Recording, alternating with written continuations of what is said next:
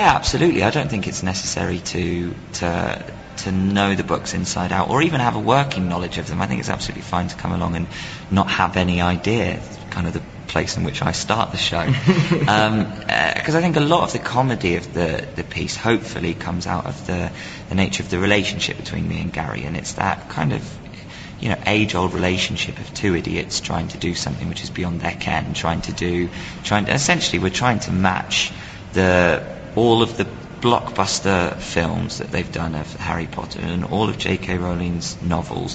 We're competing with all of them to try and do it better.